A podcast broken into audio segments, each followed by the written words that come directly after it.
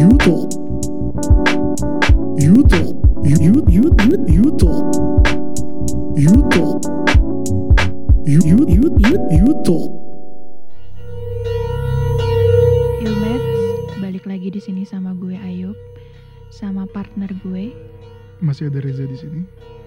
Di sini kita bakalan cerita yang berbeda dari sebelumnya. Mungkin yang kemarin cerita-cerita anak-anak remaja gitu kali ya. Ya lebih tepatnya tuh kayak Hmm. mahasiswa Tapi kalau kita lihat ini ada perbedaan gak sih Dari minggu dari podcast sebelumnya Kayak podcast sekarang kita tuh kayak lebih kalem ada apa nih Karena kita di sini mau cerita sesuatu yang berbeda. Oh berbeda dari Mm-mm. apa se- podcast sebelumnya Di sini kita udah ada narasumber kita.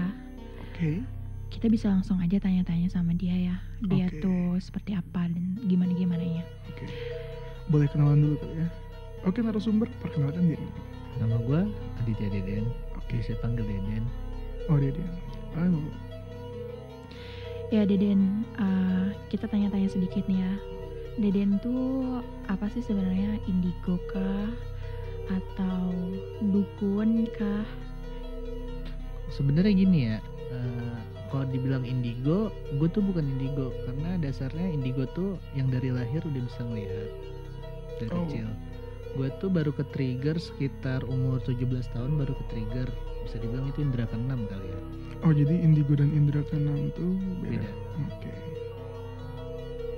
Dan jadi Deden apa Jadi nih? bedanya Indra tuh kayak beda apa nih? Bedanya gimana? Bisa dijelasin nggak? Da- simpel lagi nih, indigo tuh dari kecil udah bisa ngelihat. Mm-mm. Indera keenam tuh harus ada ke triggernya dulu. Oh, jadi Bisa kapan aja. yang ke trigger tuh bisa sembarang orang atau cuma orang-orang tertentu? yang sebenarnya eh, gini loh kalau dibilang sembarang orang bisa juga karena kan Hmm. dasarnya set eh, hantu tuh kan berdasarkan sama frekuensi Oh. jadi gue triggernya jadi frekuensi gue bisa sama sama mereka Oh, jadi semenjak tadi berapa tahun? Sorry, 17 tahun ya? 17 tahun. Udah bisa ngelihat ngelihat apa merasakan? Soalnya tuh kalau sorry ya Dan gue punya temen. Ada yang emang cuma dia lebih peka doang. Ada yang dia emang bisa ngelihat ada yang dia cuma kayak dapat kilasan-kilasan doang. Kalau Deden nih kira-kira masuk yang mana nih? Tuh kalau dari kecil tuh sebenarnya udah bisa ngeliat terus ketutup lagi kan. Oh Terus- jadi emang bisa lihat Eh, makhluk sana gitu ya? kan dasarnya kita kan bisa ngelihat sampai umur lima tahun. Oke. Karena kita kan masih suci. Oh ah, dosa. iya. setelah itu cuman bisa merasakan. Merasakan nah baru umur 17 tahun baru ngeliat lagi. Oke. Berarti kayak gitu ya? Oke Deden, hal apa yang pertama kamu lihat yang nggak bisa dilupain sampai sekarang? Dan itu pas umur berapa tuh pas ke trigger waktu 17 tahun itu Enggak. Oh iya, sebelum jawab pertanyaan itu, gue mau nanya nih pen- penasaran gue nih. Lu tuh ke trigger gara-gara apa sih?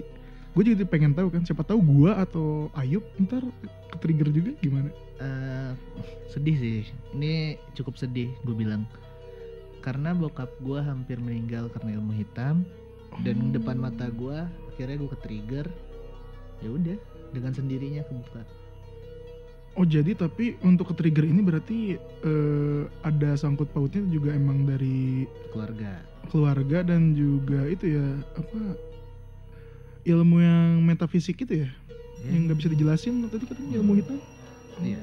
Oke, nah mungkin ilmu hitam ini agak tabu ya buat human semuanya. Mm-mm. Apa sih coba jelasin sedikit aja uh, tentang ilmu hitam? Hmm, soalnya kan banyak dari kita yang percaya gak percaya gitu. Iya. Jangankan ilmu hitam, eh, hantu aja kan banyak yang percaya gak percaya gitu. Kita melihat hantu atau percaya akan hantu paling dari film-film biasa kan.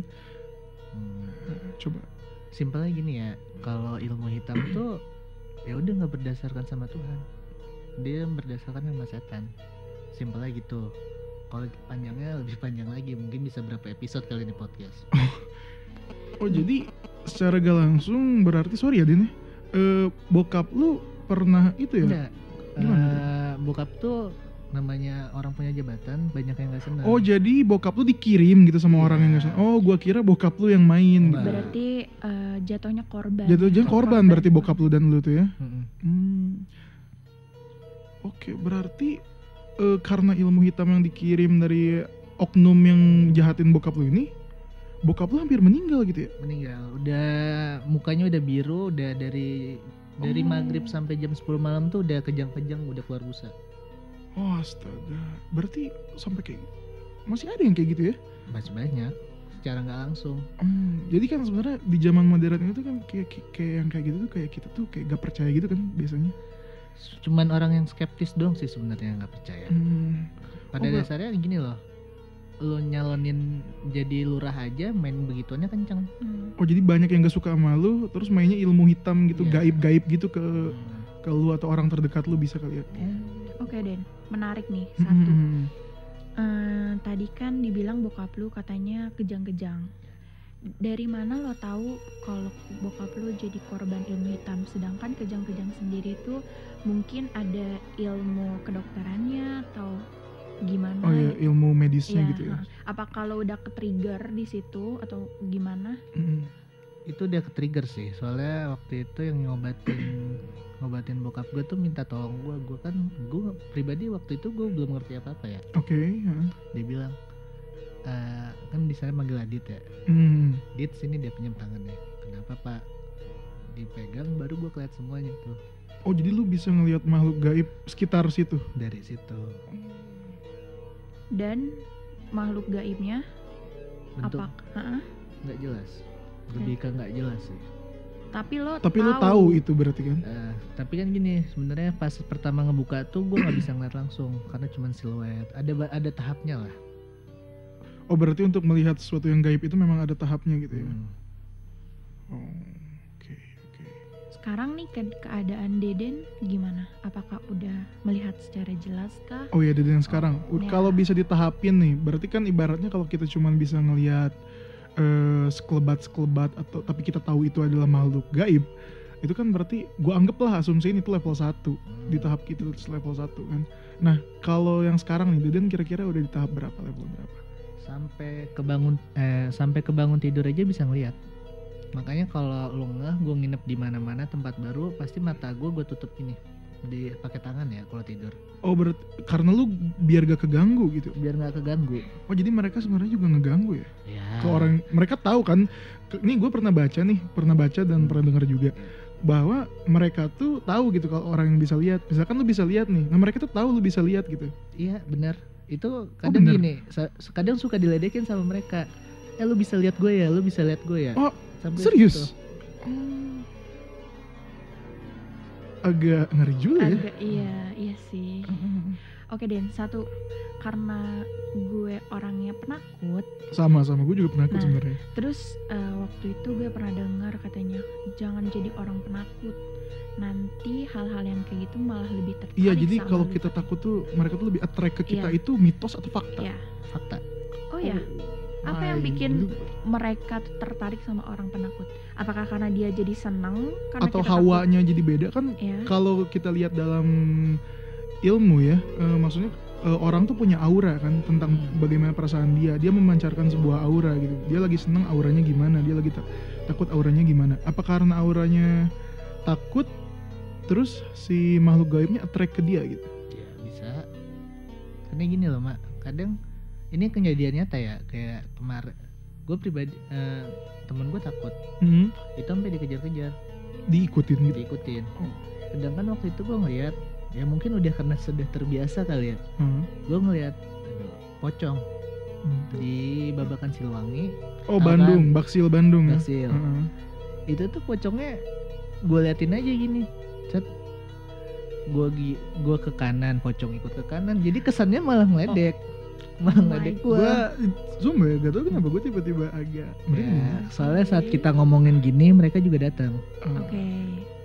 Gue mau nyimpen satu pertanyaan tapi di akhir aja ya, biar podcastnya bisa lanjut. coba coba. Aduh. eh gue mau nanya, ada orang yang katanya di dijagain. oh ya Nah, Ya kodam ya namanya. Apa apa Hmm, namanya? bisa gue lebih seneng bilang guardian angel sih Oh udah kayak Oke. lagu ya. itu tuh hal yang buruk atau hal yang positif bagi orang yang dijagain itu. Dan Hmm. biasanya itu dari mana? Tapi kalau misalnya ceritanya temen gue, dia itu dijagain sama nenek moyang Katanya Hmm. gitu. Oh, Nah, itu jadi kodam temen lu tuh yuk eh, Mm-mm. nenek moyangnya dia sendiri. iya katanya gitu mau sebenarnya ada ya gue nangkep berapa sudut pandang ya Iya. di sini di pertanyaan lo Hmm. gue gue punya sudut pandang gini sudut pandang pertama gue lu percaya teori re- reinkarnasi Buddha nggak Iya, gue pernah dengar itu teorinya. kayak misalkan gini lu lu ketemu orang baru tiba-tiba aja lu marah merasa marah Hmm, atau merasa kenal. eh, kenal serasa akrab mungkin di kehidupan sebelumnya lu tuh Temenan juga gitu atau, Atau musuhan. musuhan. Oh Oke, iya oke. oke. Ini Nah, agak itu make sense ya. point. Nah, Ah. satu lagi itu eh, yang teori ya apa yang lu bilang penjaga itu ya? Hmm. Nah, Lu kan nyebutnya guardian. ya gue nyebutnya kodam. Hmm. Karena emang dasarnya mereka tuh memilih orang-orang dulu kan emang orang-orang bisa lah ya, orang-orang sakti. Iya, gue juga dapat cerita kayak gitu. sih. Mereka tuh memilih sama keturunannya yang merasa mirip dia. Mirip banget semasa dia hidup dan gue pribadi gue juga ada Oh, dan gak usah disebut lah ya. iya iya. oke oke Nah, Karena gue yang gue tahu ya, si kodam itu juga gak mau diusik kan, gak mau dilihat. Betul. Iya gak sih? Hmm. Gak mau di, gak mau si penjaga, gak mau yang dijagainnya tuh tahu gitu ada yang ngejaga. Iya gak? Enggak gak? juga sih sebenarnya Oh, juga? eh, ada kadang ininya tuh ngasih kayak ngasih tahu gitu. Gue ngejaga lo gitu. Ada satu momen yang di mana gua gua tuh lagi bimbang Heeh. harus apa. Gue ngomong aja dalam hati. Ada yang ngejawab tapi bukan suara gua. oke teman gue juga pernah cerita kayak gitu Sama ini sih kalau kan dia tugasnya ngejagain ya. Hmm. Gue nih pernah tidur bawa motor dari ini eh, Subang Tanjakan Emen tahu? Iya Tahu, tahu itu banyak Itu- kecelakaan ya di situ Ya, ya. itu kan Mohon curam. maaf ya, tapi emang Ya, Hmm. itu kan curam. iya curam banget. itu gue berdua dan dua-duanya tidur dan itu posisi gue yang bawa motor dan itu tinggal ya gue telat 5 detik gue bisa masuk jurang tiba-tiba ada yang bangunin gue nyentil gue tek bangunlah gue Oke ada yang ngintil gitu. Padahal bukan temen yang lo bonceng gitu. bukan dia Karena juga dia tidur. tidur, Oh, karena oke. kita kecapean Ah. Oh. Nah gue sebenarnya penasaran ya tentang yang guardian tadi. Apakah setiap manusia punya guardiannya masing-masing? Punya. Oh jadi gak ada yang gak punya. Hmm. Oke. Dan itu pure dari keturunan atau emang ada suatu apa ya tempat untuk mendapatkannya gitu? ya yang- Katakanlah tempat untuk Ah, iya, mendapatkannya iya, iya, seperti pesugihan kan Ya. biasanya ada atau ke hutan-hutan gitu ya? Eh, gini loh kadang ada yang ikut sendiri Dimensi. karena kemauan dia Oke. ada ada yang kita cari dia yang datang Mhm. karena memang udah udah ditakdirkan itu udah melekat dengan darah Oh yang melekat dengan darah tuh yang, yang keturunan keturunan gitu. Oh tapi ada ya yang pengen tiba-tiba attract sendiri buat ngejagain gitu. Hmm, ada Oh baru tuh. Gua kira tuh yang biasa ngikutin tuh yang agak ngusil-ngusilin aja gitu.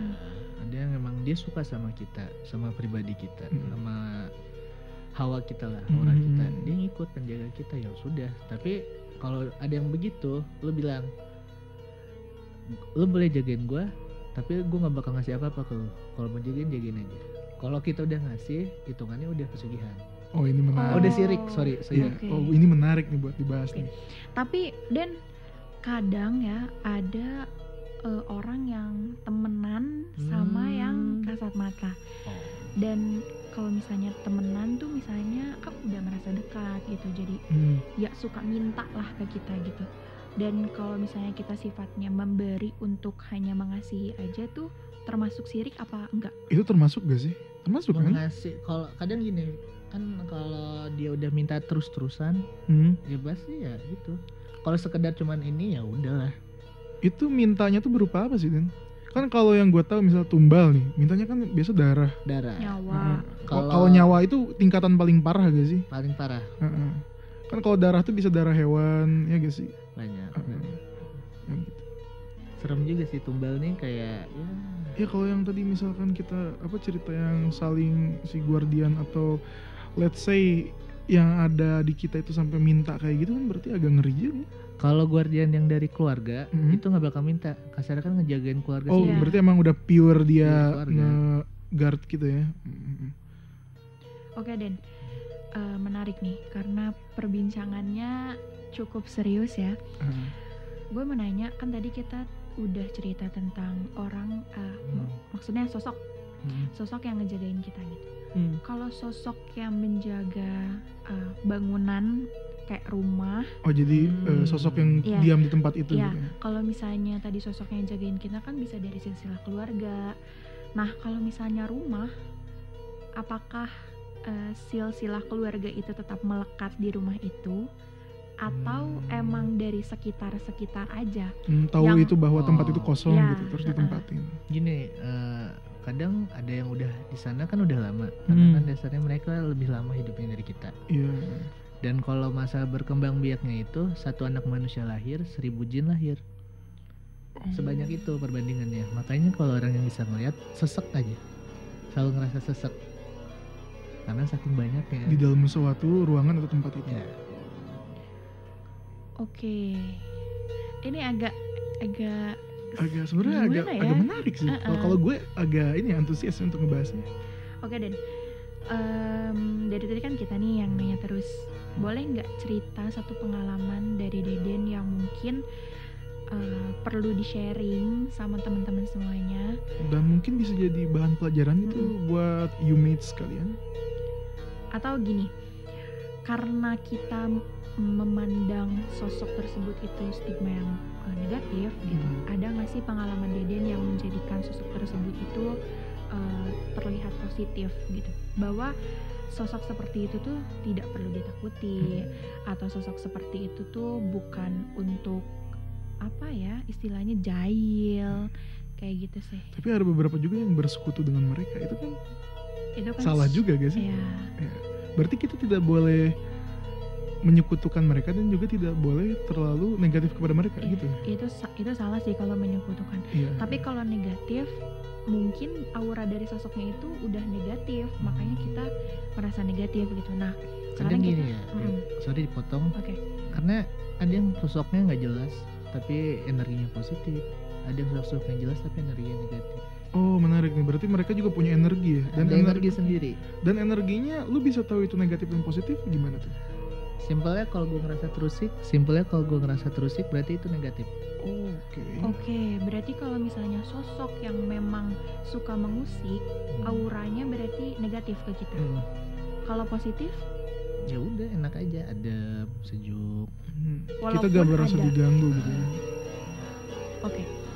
Eh, selain penjaga manusia, kan tadi gue cerita tentang penjaga rumah. gitu.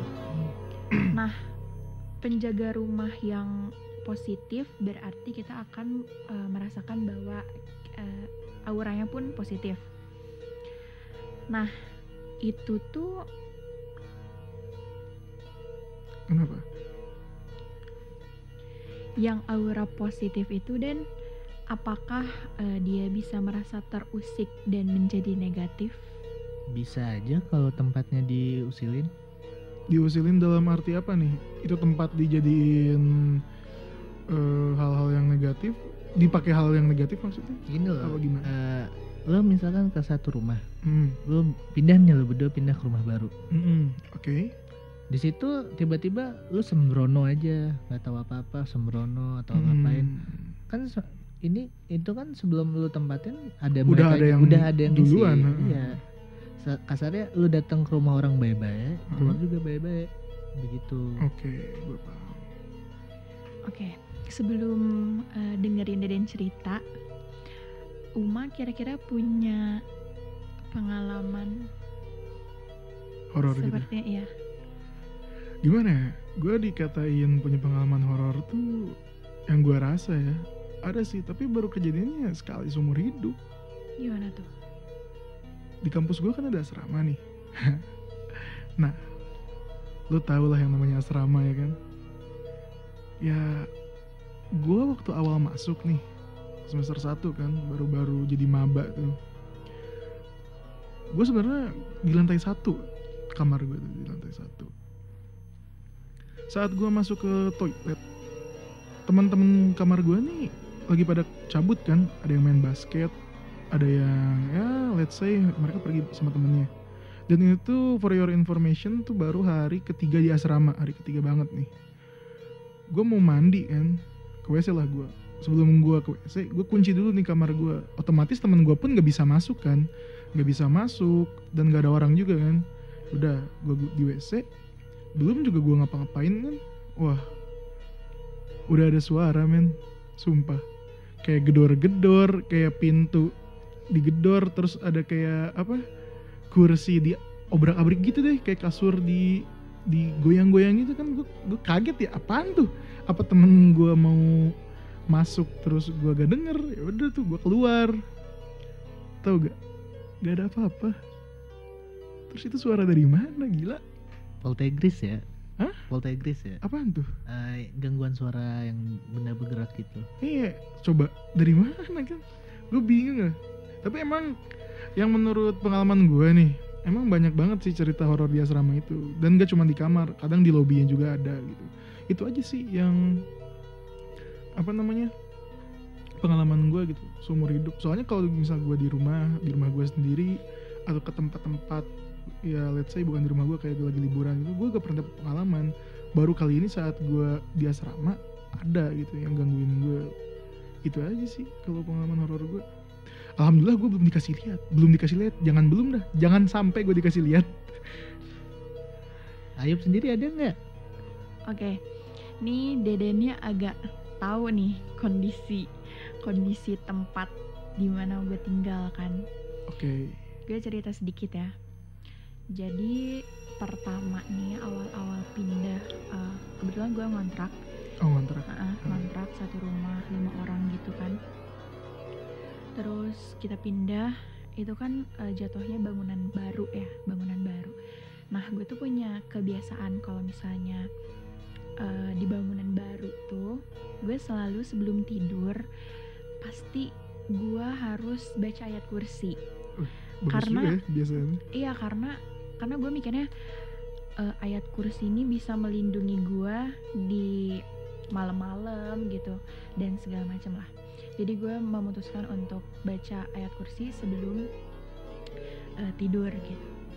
Nah waktu itu tuh gue sadar banget kalau gue tuh ketiduran. Jadi gue nggak sempet baca doa sebelum tidur, baca ayat kursi dan segala macam.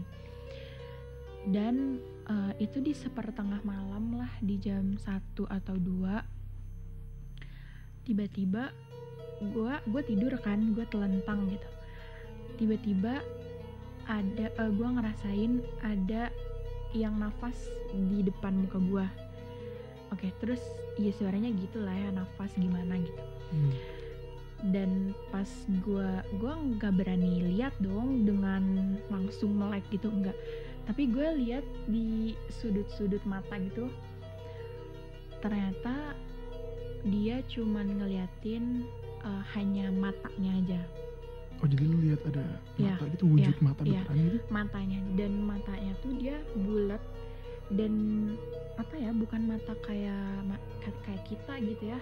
Matanya tuh mata bulat gede dan dia mau keluar dari tempatnya gitu dan oke dan di situ eh, yang gue pikirin adalah oh gue lupa baca ayat kursi dan doa sebelum tidur. Mm-mm.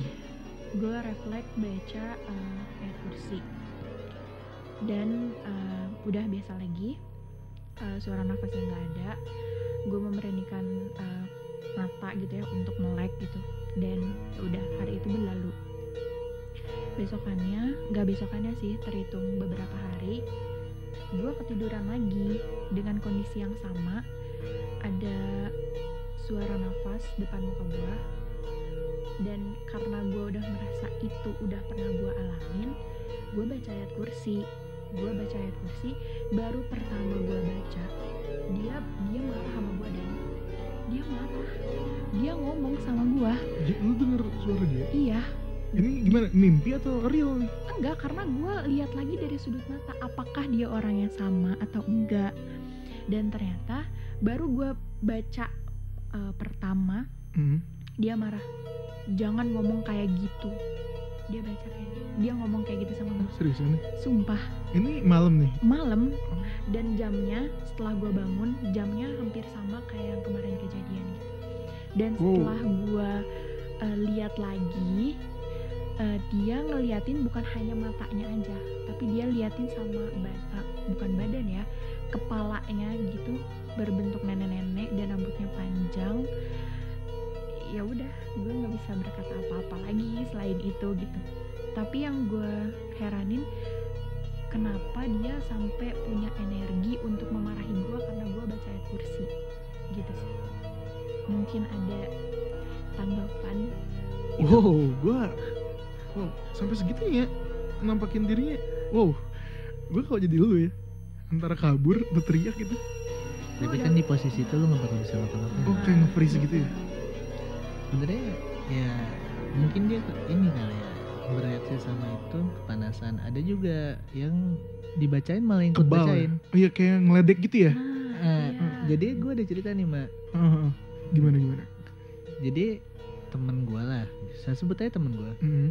apa temennya teteh gue dulu tuh kan di ITB masih banyak angkot ya kalau malam ya nggak sih Mm. daerah ITB Mm. dia nunggu tuh. Pas mau nunggu udah kemalaman mungkin ya dari yang ITB ada yang turun tuh terbang Sut. Terbang. Iya terbang ada yang turun dari atas ada yang turun ke samping dia dia kaget dia baca astagfirullahaladzim astagfirullahaladzim sama setannya diikutin mak astagfirullahaladzim astagfirullahaladzim itu mungkin gue denger tawa tapi kok di posisi itu ya gue ya bakal gue panik itu gue Iya, panik. Gila. Lari gue.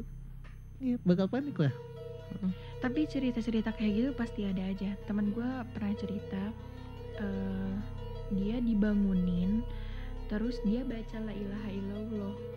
Dan ternyata dia ikut langsung la ilaha illallah. Kepalanya sambil geleng-geleng kayak kita lagi sholawat. Itu itu itu serem banget sih. iya sih. Fix. maksudnya ternyata kan sosok-sosok kayak gitu juga punya energi untuk itu gitu.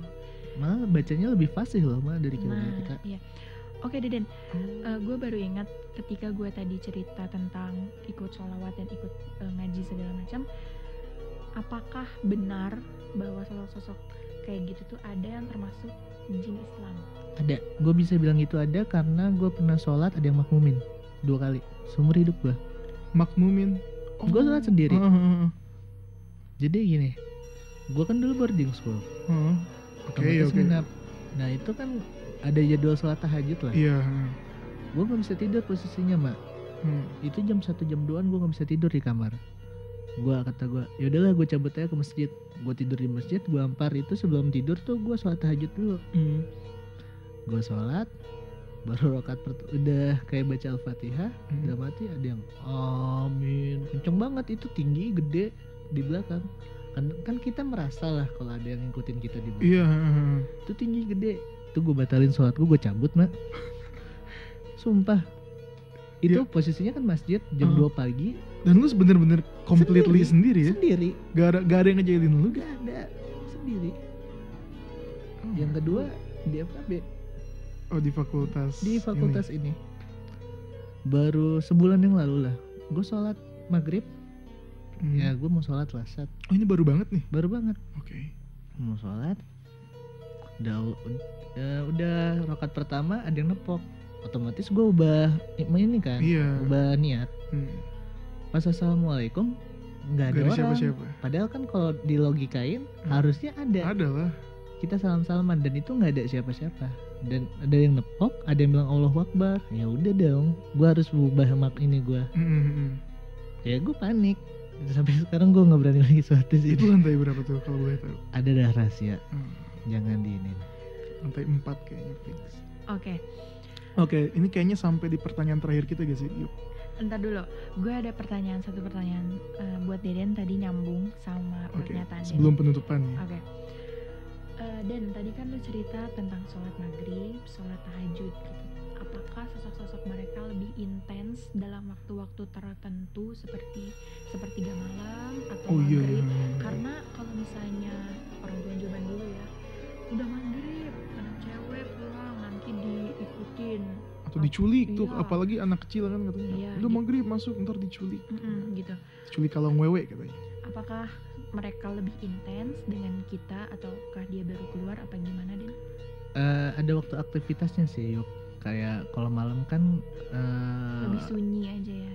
ya volume orangnya juga kan lebih sedikit jadi kan Hmm. mereka lebih leluasa buat beraktivitas makanya kenapa malam tuh banyak itu Mm-mm, Oke. banyak Itu- makhluk itu iya. beraktivitas. Sebenarnya siang juga ada. Cuma tidak seintens saat malam gitu ya. masuk akal sih Iya, make karena kan sense. manusia malam tidur sepi Kalau kerja gantian lah shiftnya. Iya. Iya iya juga sih Oke. oke Udah. oke pertanyaan terakhir mungkin Oke, dari gue ya. oke Dari tadi kita sibuk bahas beginian nih, bahas horor, bahas makhluk sono, makhluk gaib ya kan. Kira-kira nih, gue mau nanya nih. Sekarang di sini ada gak? Kalau gua bilang ada, lu bakal takut sama lari nggak? enggak sih Kagak. kalau gue Kan kita bertiga. Terus ada lu. biasanya yang gitu suka ganjil Heeh, Ada dan lagi ngelilingin kita sekarang. Banyak, Banyak banget. serius. Iya. di samping Ya, gue gue pribadi gue lagi merinding juga nih. Iya, Di gue juga, gue. gue juga. Jujur gue juga. Di samping ngelilingin, rumah. ngelilingin, ngelilingin kita. Bentuknya apa? Ya udahlah, nggak usah dibilang. Gue usah dibilang. Oh iya, ntar lu Oke. kenapa-napa ya. Hmm. Oke oke oke. Mungkin uh, Yumets uh, segini dulu aja kisah kita sama bareng Deden di Hmm. sini. You Talk podcast kali ini. Mungkin agak berbeda ya kali ini sama minggu kemarin. Tapi ini Yumets minggu depan kita juga bakalan hadir dengan tema yang berbeda. Pantengin terus Instagram kita di YouTalk. Kalian bisa lihat di situ perkembangannya atau tema-tema yang bakalan kita up minggu depan. Di Siapa tahu- selanjutnya. Mm-mm. Siapa tahu kalian juga bisa berpartisipasi untuk uh, podcast kita minggu depan ya, Mak. Mhm. Gitu. Oke, Deden uh, untuk penutup nih kasih satu kata yang menggambarkan mereka. Mereka yang ada di sini sekarang. Satu kata. Ada kata yang nggak bisa diucapkan meskipun setelah hidup. Baru bisa ada pesan yang bisa disampaikan setelah mati. Oke. Itu agak dalam. Oke. Gue udah merinding sekarang. Mhm. Gue juga. Oke, okay, kita honest, yes. kita closing dulu kali ya. Oke. Okay. Ayo pamit. Reza pamit. Deden pamit. Oke, okay, see you on next episode. You mates. Bye bye.